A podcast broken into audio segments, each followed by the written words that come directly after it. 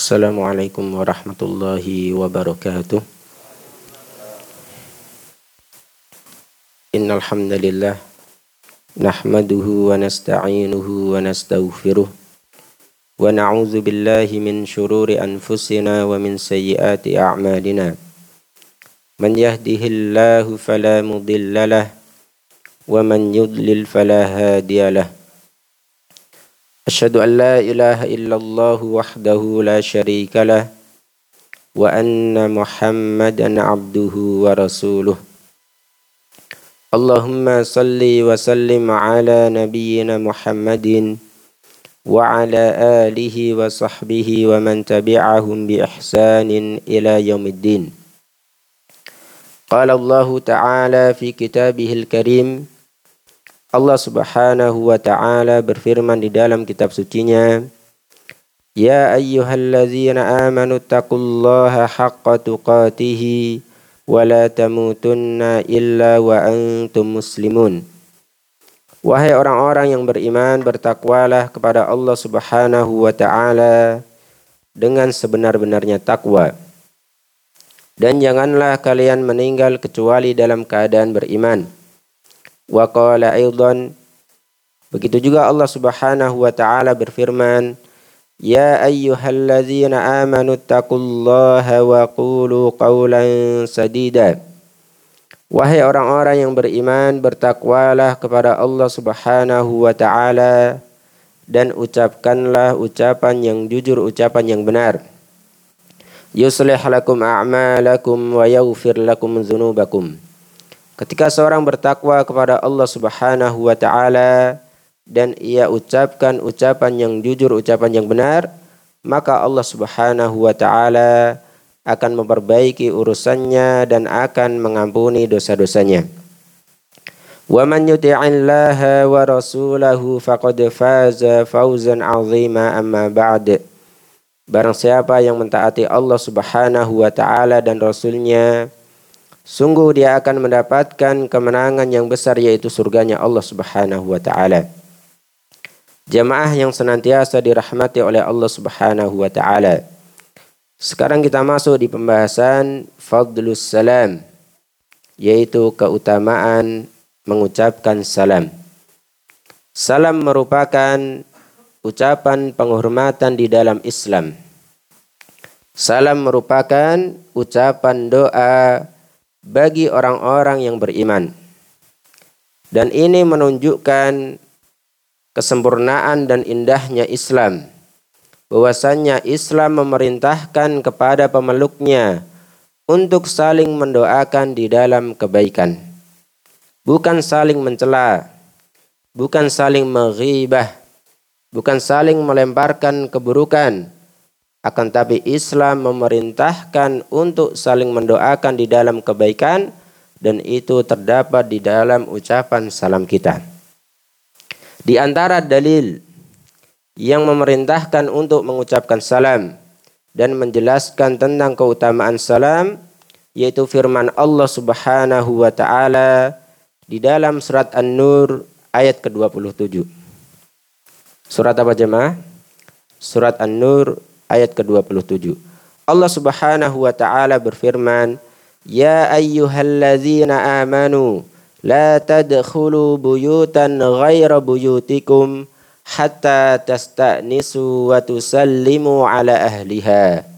Wahai orang-orang yang beriman, janganlah kalian masuk rumah-rumah selain rumah kalian hingga kalian meminta izin dan mengucapkan salam kepada penghuninya.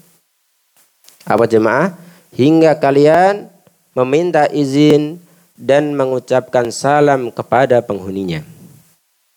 Di dalam ayat yang mulia ini Allah Subhanahu wa taala mengajarkan dan menunjukkan kepada hamba-hambanya terkait dengan adab ketika memasuki rumah orang lain. Yaitu adab ketika bertamu. Yang pertama yaitu seseorang meminta izin dan mengucapkan salam kepada penghuninya. Rasulullah Shallallahu Alaihi Wasallam bersabda di dalam hadis riwayat Imam Bukhari dan Imam Muslim. Innama ju'ila listi'zanu min ajlil basari Sesungguhnya dijadikan ketetapan perintah untuk meminta izin sebelum memasuki rumah orang lain untuk menjaga pandangan mata dari aurat orang-orang yang menghuni rumah tersebut. Karena seseorang ketika di dalam rumah, ia menggunakan pakaian santainya. Ia menggunakan pakaian yang tidak menutup auratnya, maka kedudukan rumahnya bagaikan kedudukan pakaian baginya yang menutup auratnya. Maka seseorang ketika ia keluar rumah, ia memakai pakaian menutup auratnya, ia memakai pakaian yang syar'i dan inilah yang diperintahkan oleh agama kita. Akan tetapi ketika ia di dalam rumahnya, ia tidak menutup auratnya, ia memakai pakaian santainya, akan tetapi auratnya tertutupi oleh adanya rumahnya. Maka kita katakan kedudukan rumah bagaikan pakaian bagi seseorang. Oleh karenanya di dalam syariat kita, sebelum seseorang masuk ke dalam rumah orang lain, ditetapkan perintah untuk meminta izin dan mengucapkan salam kepada penghuninya.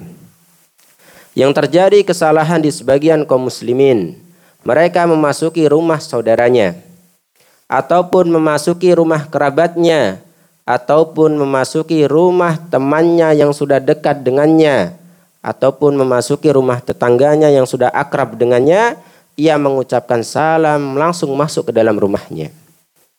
Ini benar tidak jemaah? Ini suatu kesalahan. Bisa jadi dengan sebab apa yang ia lakukan, ia mendapatkan dosa karena ia tidak menjaga pandangannya dari aurat penghuni rumah tersebut. Bisa jadi di rumah saudara kita ada ipar kita. Yang itu bukan mahram kita bisa jadi ada sepupu kita yang itu bukan mahram kita, maka amalkanlah adab yang Allah Subhanahu wa taala ajarkan di dalam ayat ini untuk meminta izin dan mengucapkan salam kepada penghuninya. Kemudian dalil berikutnya yang menunjukkan keutamaan salam dan perintah untuk mengucapkannya yaitu surat An-Nur ayat ke-61. Surat apa jemaah? An-Nur ayat 61. Allah Subhanahu wa taala berfirman, "Fa idza dakhaltum buyutan fasallimu ala anfusikum tahiyatan min 'indillahi mubarakatan thayyibah." Maka apabila kalian memasuki rumah-rumah, maka ucapkanlah salam untuk diri kalian sendiri. Perhatikan jemaah. Di dalam ayat ini Allah Subhanahu wa taala katakan apabila kalian memasuki rumah-rumah. Maka lafaz rumah di dalam ayat ini sifatnya umum. Baik itu uh, rumah kita sendiri ataupun rumah orang lain. Baik itu rumah yang berpenghuni maupun yang tidak, kita mengucapkan salam ketika memasukinya. Oleh karenanya, ketika kita keluar bersama keluarga kita, tidak ada orang di rumah kita, kita sepulang kita dari perjalanan kita tadi, maka kita tetap mengucapkan salam. Karena lafaz rumah di dalam ayat ini sifatnya umum yang berpenghunikah ataupun tidak. Rumah kita sendiri ataupun rumah orang lain Allah Subhanahu wa taala perintahkan untuk mengucapkan salam. Fasallimu ala anfusikum. Maka ucapkanlah salam untuk diri kalian sendiri. Pertanyaannya jemaah, ketika seorang mengucapkan salam, ia tujukan untuk orang lain atau untuk dirinya sendiri? untuk orang lain. Akan tetapi kenapa di dalam ayat ini bahasa yang Allah Subhanahu wa taala pilih yaitu mengucapkan salam untuk diri kalian sendiri. Karena hakikatnya saudara kita seiman itu kedudukannya bagaikan diri kita sendiri. Maka satu orang yang beriman dengan yang lainnya itu bagaikan satu kesatuan jasad. Dalam hal saling tolong menolong, dalam hal saling menyayangi, saling mencintai, maka ketika satu orang yang beriman merasakan kebahagiaan, maka kita juga ikut merasakan kebahagiaan. Ketika mereka susah membutuhkan pertolongan, maka sungguhlah kita juga merasakan kesedihan, maka kita pun menolong mereka. Karena satu orang yang beriman dengan yang lainnya bagaikan satu kesatuan jasad. Maka dikatakan ketika seseorang mengucapkan salam untuk saudaranya, bagaikan dia mengucapkan salam untuk dirinya sendiri. Maka ayat ini senada dengan firman Allah Subhanahu wa taala di dalam surat Al-Hujurat. Allah Subhanahu wa taala berfirman, "Wala talmizu anfusakum." Janganlah kalian mencela orang lain, janganlah kalian mencela saudara-saudara kalian. Perhatikan jemaah, di dalam ayat ini Allah Subhanahu wa taala katakan, janganlah kalian mencela anfusakum. Apa mana angfusakum? Janganlah kalian mencela diri kalian sendiri. Karena hakikatnya ketika seseorang mencela orang lain, mengolok-ngolok orang lain, hakikatnya ia mengolok-ngolok dirinya sendiri. Karena kita katakan kedudukan saudara kita yang beriman bagaikan kedudukan diri kita sendiri. Satu orang yang beriman dengan yang lainnya bagikan satu kesatuan jasad maka ketika seorang mencela orang lain, maka sungguhlah hakikatnya ia mencela dirinya sendiri. Kita diingatkan dengan orang yang bangkrut yang dikatakan oleh Rasulullah Shallallahu Alaihi Wasallam. Siapa itu orang yang bangkrut jemaah? Ketika para sahabat ditanya, siapa itu orang yang bangkrut? Al-muflisu fina mala dirhamalahu wala mata'a. Orang yang bangkrut wahai Rasulullah yaitu orang yang sudah nggak punya uang walaupun satu dirham. Dan ia tidak memiliki barang-barang lagi karena kebangkrutannya seluruhnya habis. Maka Rasulullah Shallallahu Alaihi Wasallam menerangkan menjelaskan hakikat bangkrut yang sesungguhnya. Al muflisu min ummati ya'ti yaumal qiyamati bisolatin wasiyamin wazakatin orang yang bangkrut dari umatku yaitu seseorang yang datang pada hari kiamat dengan membawa pahala solat dengan membawa pahala zakat, dengan membawa pahala puasa. Akan tetapi kenapa dikatakan bangkrut oleh Rasulullah Sallallahu Alaihi Wasallam? Ya'ti waqad syatama hadza wa qazafa hadza wa akala mala hadza. Ia datang pada hari kiamat dalam keadaan di kehidupan dunianya ia mencela si fulan. Ia melemparkan keburukan kepada si fulan ia memakan harta si fulan dengan cara yang batil. Maka kebaikan-kebaikan pahala ibadah yang ia miliki dilimpahkan, diberikan kepada orang yang ia celah di kehidupan dunianya, kepada orang yang ia zolimi di kehidupan dunianya. Maka hakikatnya ketika orang mencela orang lain, mengolok-olok orang lain, melemparkan keburukan kepada orang lain, hakikatnya ia mencela dirinya sendiri karena sungguhlah tanggung jawab dosanya ia akan bertanggung jawabkan di hadapan Allah Subhanahu wa taala. Kemudian Allah Subhanahu wa taala mensifati salam di dalam ayat ini tahiyatan min indillahi mubarakatan thayyibah yaitu ucapan salam penghormatan dari sisi Allah Subhanahu wa taala yang penuh dengan keberkahan dan penuh dengan kebaikan. Perhatikan jemaah, ketika ada seseorang yang memberitahukan kepada kita, aku memiliki suatu barang, ini sangat berkah, ini banyak kebaikannya, ini banyak faedahnya. Kita percaya tidak jemaah? Nah, ketika ada seorang menghabarkan, memberitahukan kepada kita tentang sifat barangnya tadi. Penuh dengan keberkahan, manfaat, ya, penuh dengan kebaikan. Kita percaya tidak jemaah? Bisa jadi percaya, bisa jadi tidak. Kenapa? Karena kabar, berita dari manusia itu bisa jadi benar, bisa jadi sah, salah. Bisa jadi ia jujur dalam menyampaikannya atau dusta di dalam menyampaikannya. Akan tetapi ketika Allah Subhanahu wa taala menghabarkan, memberitahukan kepada kita, maka sungguhlah yang disampaikan itu suatu kebenaran, karena Allah Subhanahu wa taala Maha benar dan Maha jujur. Maka di dalam ayat ini Allah Subhanahu wa taala mengkhabarkan kepada kita, memberitahukan kepada kita akan keutamaan salam bahwasanya itu adalah ucapan penghormatan dari sisi Allah Subhanahu wa taala yang penuh dengan keberkahan dan penuh dengan kebaikan. Maka ini menunjukkan fadlus salam, keutamaan salam yang sering kita ucapkan. Kemudian dalil yang lainnya yang menunjukkan keutamaan salam dan perintah untuk mengucapkannya yaitu di dalam hadis riwayat Imam Bukhari dan Imam Muslim.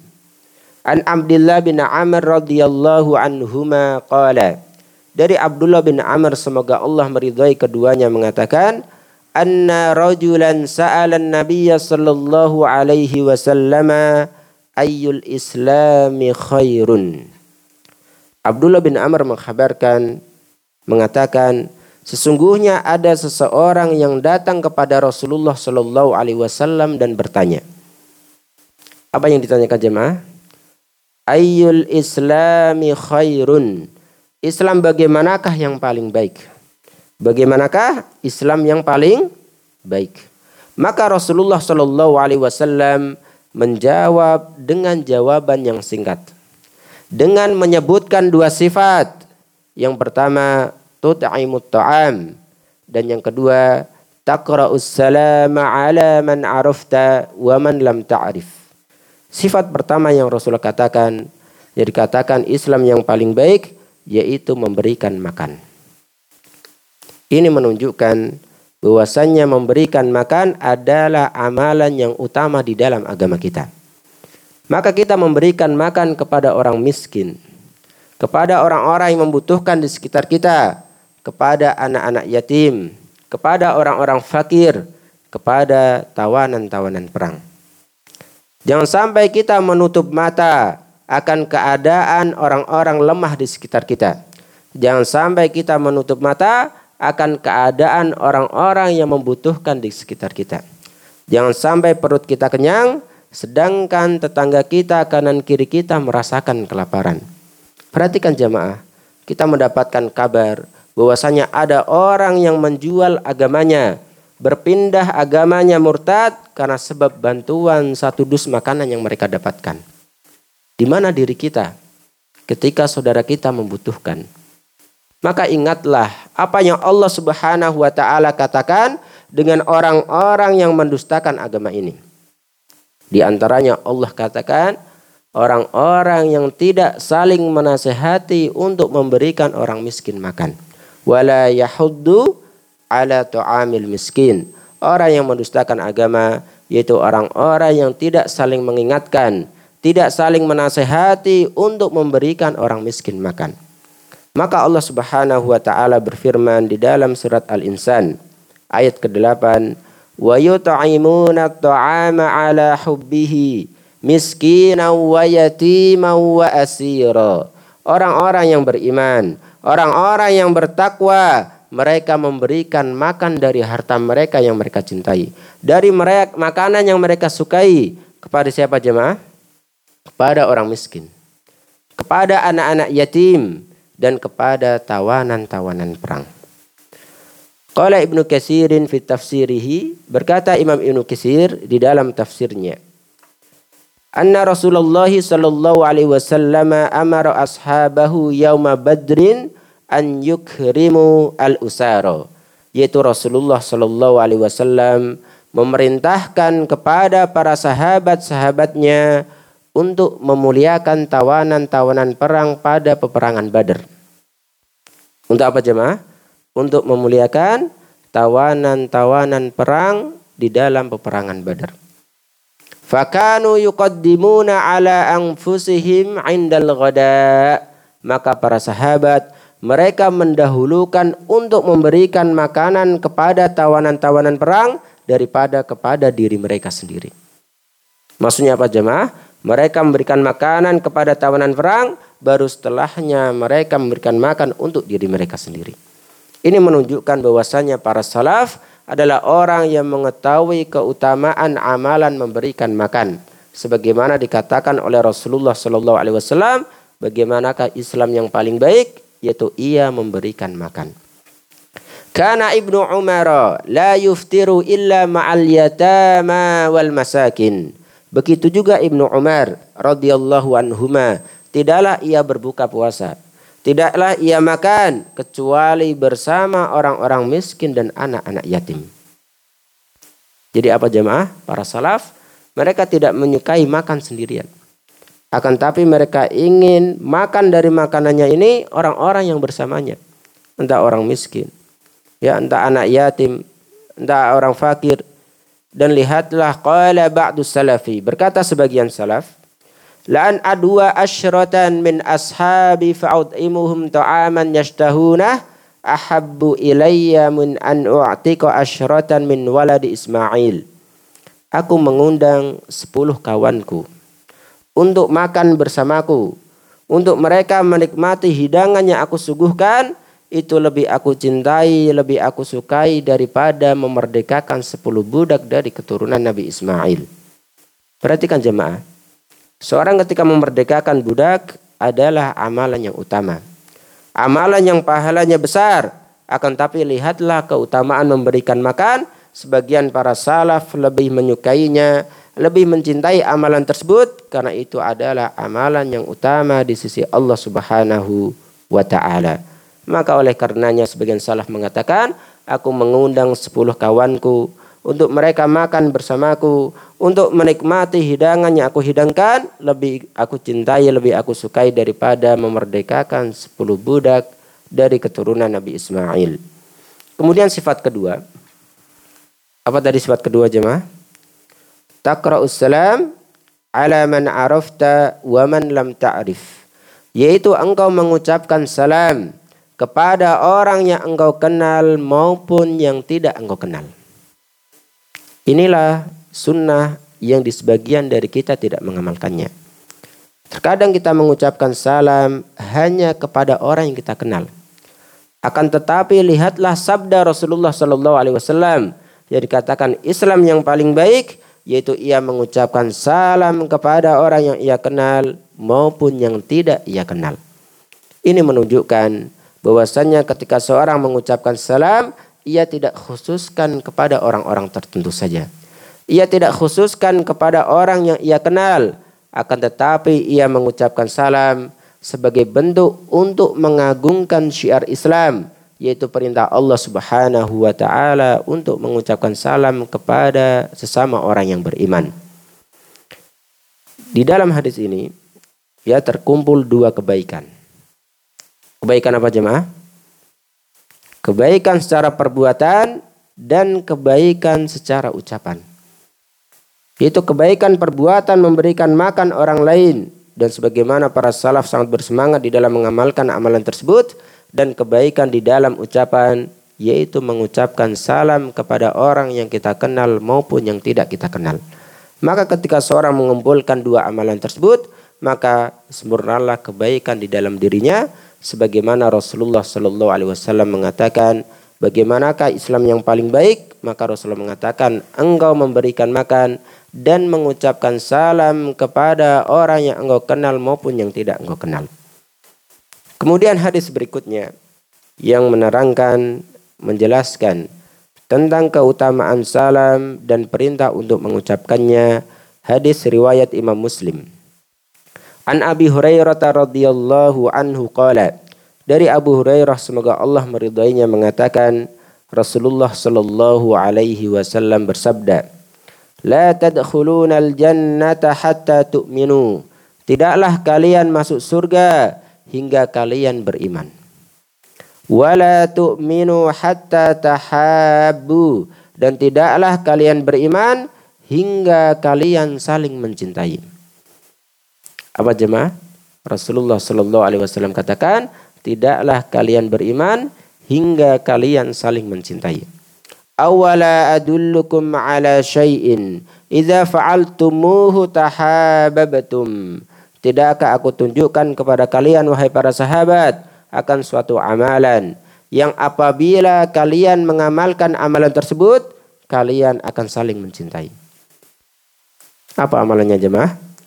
Afshus salama bainakum maka sebarkanlah ucapkanlah salam di antara kalian Islam memerintahkan kepada pemeluknya untuk mengucapkan salam kepada saudara seimannya maka bagi yang mengamalkannya diagungkan dari pahalanya bagi mereka yang mengucapkan salam kepada saudaranya. Kenapa jemaah? Karena mengucapkan salam menjadi sebab kecintaan, kasih sayang di antara orang-orang yang beriman. Karena mereka saling mendoakan. Bukan menjadi sebab perselisihan, perpecahan, atau saling melempar keburukan, akan tapi keutamaan salam yang dikatakan oleh Rasulullah Shallallahu Alaihi Wasallam itu menjadi sebab kalian saling mencintai, saling menyayangi. Maka orang yang mengawali mengucapkan salam, yang memulai mengucapkan salam, ia menjadi sandaran pertama akan adanya kebaikan saling mendoakan karena sebab salam pertama yang ia ucapkan. Oleh karenanya, syariat menjanjikan pahala yang besar Ketika salamnya makin lengkap, makin sempurna, maka sungguhlah pahalanya makin besar pula. Apa jemaah? Ketika seseorang mengucapkan salam dengan salam yang lengkap, yang lebih baik, yang sempurna, maka sungguhlah lebih besar pula dari sisi pahalanya. Diterangkan di dalam hadis riwayat Imam At-Tirmizi dari Imran bin Husain radhiyallahu anhu qala Ja'a rajulun ila Nabi sallallahu alaihi wasallam faqala assalamu alaikum. Ada seseorang yang datang kepada Rasulullah sallallahu alaihi wasallam dan mengatakan assalamu alaikum. Jadi bagaimana ucapan salamnya jemaah? Assalam Assalamu alaikum. Faradda alaihi summa jalasa faqala ashrun. Kemudian Rasulullah sallallahu alaihi wasallam menjawab salamnya.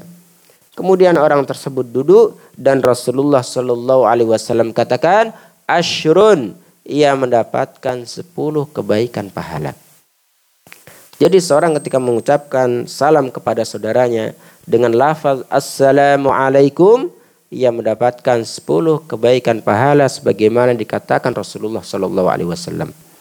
Kemudian di kelanjutan hadisnya, "Summa jaa akharu faqala assalamu alaikum warahmatullah." Kemudian datang ke, uh, orang kedua kepada Rasulullah Shallallahu Alaihi Wasallam dan mengatakan Assalamualaikum warahmatullah. Orang kedua datang dengan mengucapkan salam yang lebih lengkap daripada orang yang pertama. Apa yang ditambahkan jemaah?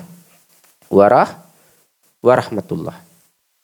Faradda alaihi fajalasa faqala ishrun.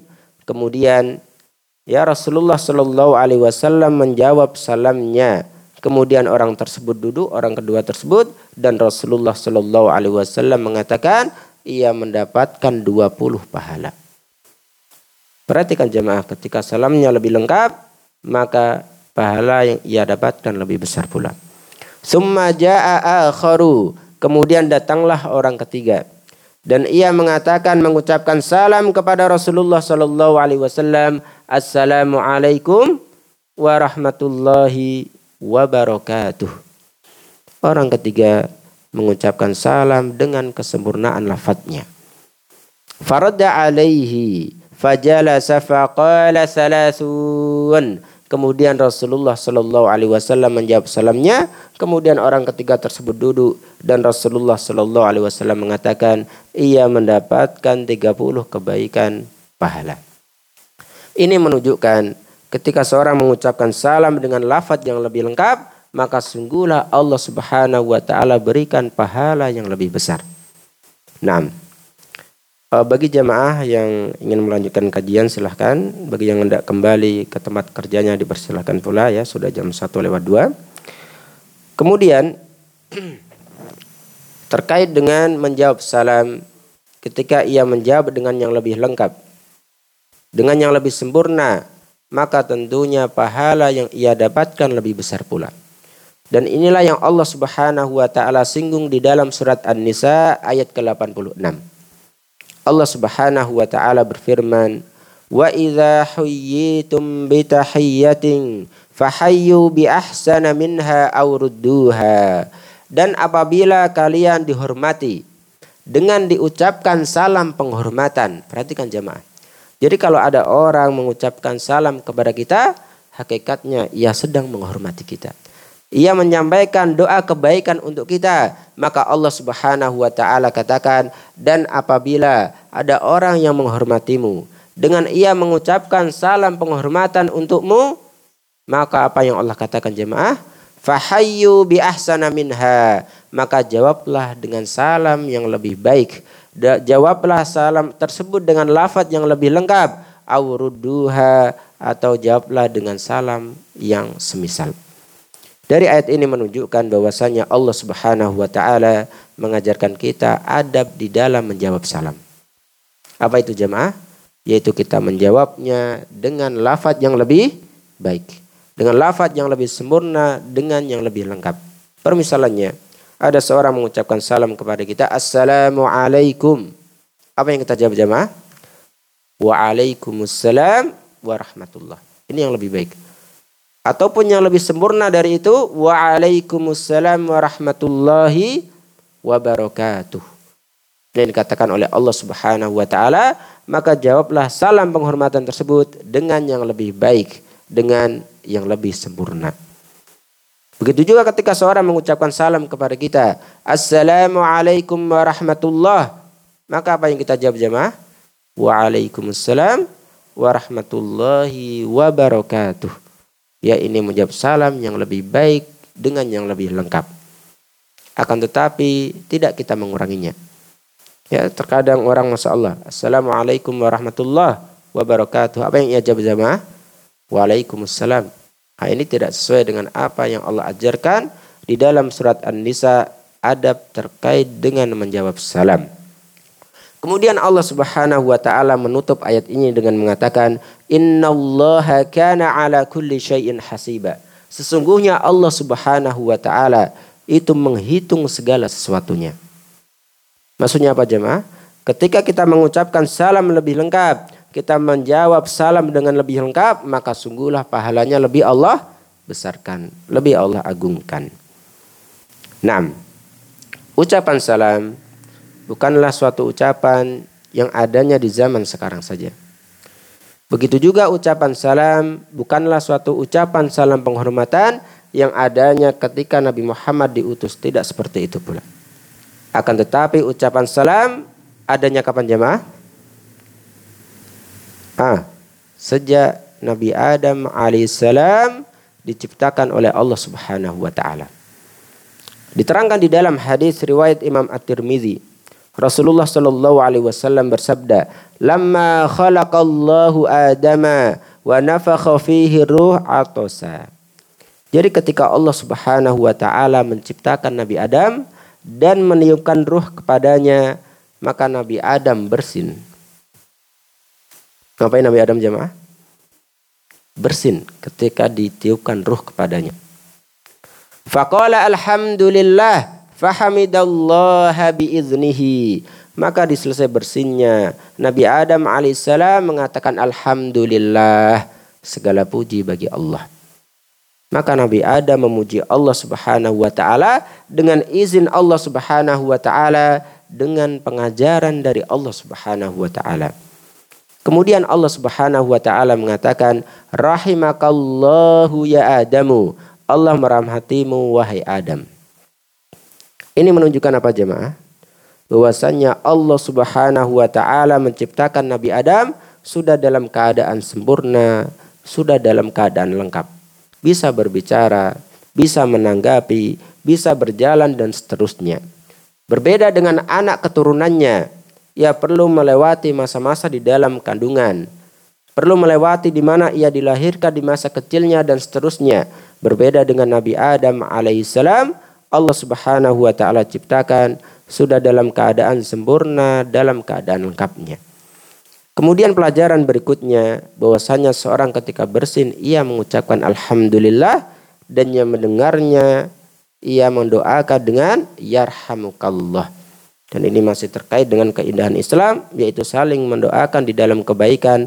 Semoga Allah Subhanahu wa taala merahmatimu sebagaimana itu pengajaran Allah Subhanahu wa taala kepada Nabi Adam alaihi salam. Dan itulah yang diajarkan oleh Rasulullah Shallallahu alaihi wasallam kepada umatnya.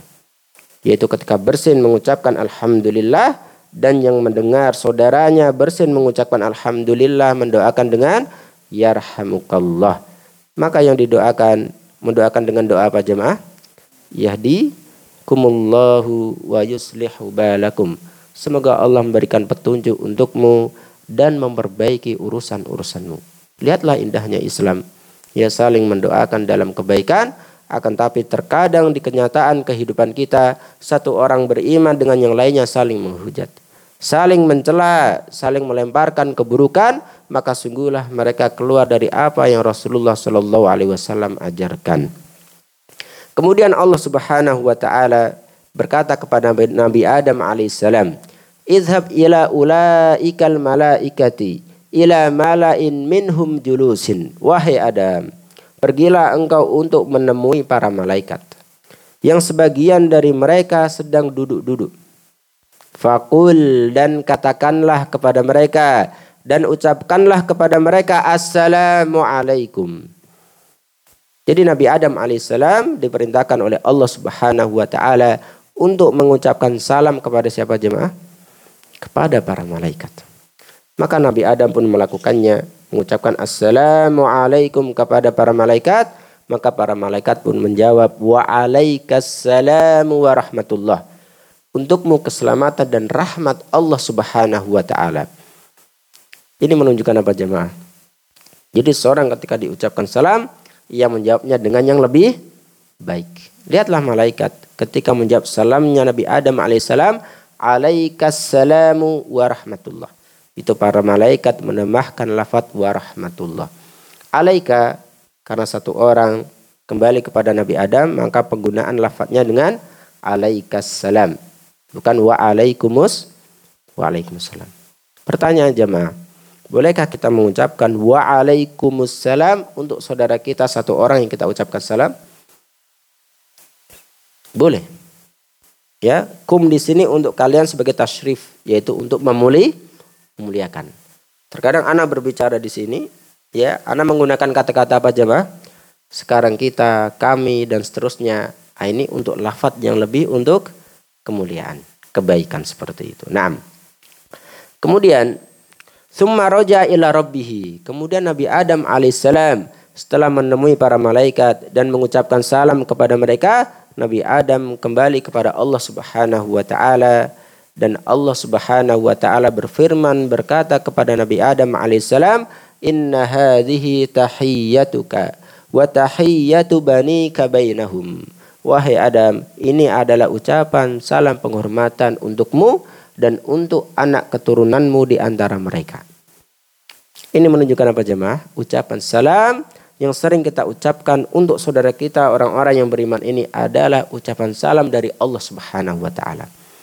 Ya, dan disifati oleh Allah dengan mubarakah thayyibah yaitu ucapan salam yang penuh dengan keberkahan dan penuh dengan kebaikan. Kemudian kita masuk di eh, pembahasan terakhir ya di siang hari ini makna salam. Apa makna arti salam yang kita ucapkan untuk saudara kita jemaah? Sering kita mengucapkan Assalamualaikum warahmatullahi wabarakatuh ketika kita berpapasan dengan saudara kita. Ketika bertemu dengan saudara kita. Ketika kita masuk ke dalam rumah. Assalamualaikum warahmatullahi wabarakatuh. Apa maknanya? Assalamualaikum. Keselamatan dariku untukmu. Apa maknanya? Yaitu engkau selamat dari keburukan lesanku untuk aku tidak menghibahmu, untuk aku tidak mencelamu, untuk tidak aku melempar keburukan untukmu, untuk tidak aku memfitnahmu.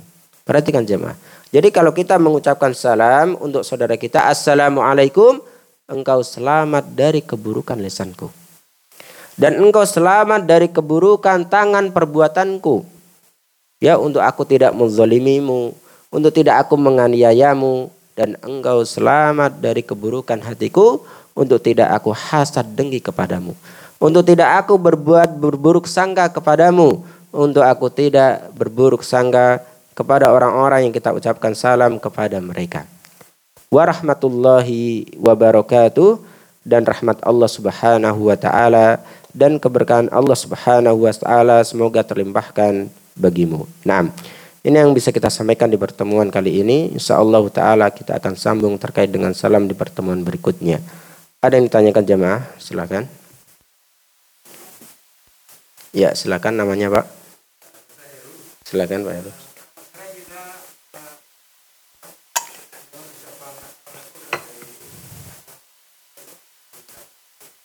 Oke.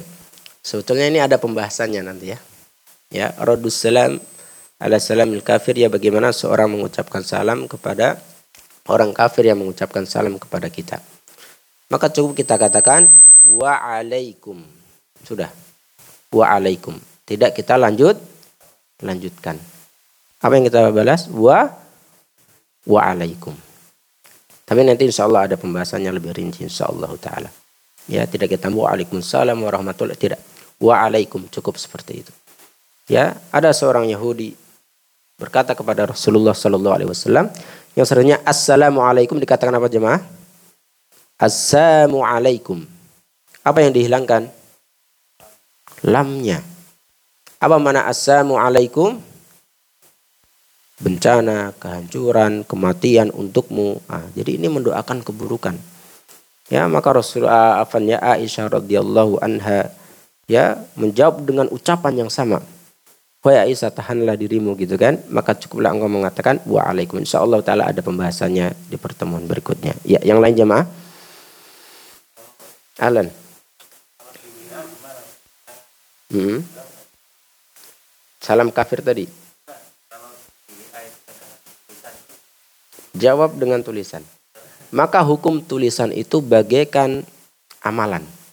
Misalnya jemaah, ada seorang suami, dia mentalak menceraikan istrinya dalam bentuk tulisan. Jatuh tidak? Jatuh. Maka tulisan itu bagaikan perbu perbuatan. Maka seorang ketika mengucapkan salam melalui tulisannya, maka kita balas melalui tuli, tulisan. Ya, walaupun disingkat kita balas. Ya, kalau kita bisa mengingatkan lebih baik. Ya, maksudnya apa? WRBB ya. ya. Jadi nilai pahalanya itu ketika kita mengucapkan lafadznya, bukan dengan mengucapkan singkat singkatannya seperti itu. Maka ahsannya tentunya lebih utamanya seorang tidak menying menyingkat. Ya Allah Subhanahu wa taala ya tulis. Ya Nabi Muhammad sallallahu alaihi wasallam ya tulis seperti itu. Karena itulah sisi pahalanya jemaah. Ya. Terkadang kita SWT, kita sebutin nggak itu ketika menulis? Ah, Allah kita ketik SWT. Kita ucapkan subhanahu wa ta'ala tidak? Enggak seringnya gitu kan. Ah, jadi kita tulis ya kita tulis seperti itu maka tulisan itu kedudukannya bagaikan ucapan maupun perbuatan ya seperti itu yang lain jemaah ya kalau tidak ada kita tutup ya insya Allah penjelasan terkait salam yang kita lanjutkan di pertemuan berikutnya. Subhanakallahumma wa bihamdika asyhadu an la ilaha illa anta astaghfiruka wa atubu ilaik. Wassallallahu ala nabiyyina Muhammadin wa ala alihi wa sahbihi wasallam. Wa akhiru da'wana alhamdulillahi rabbil alamin. Assalamualaikum warahmatullahi wabarakatuh.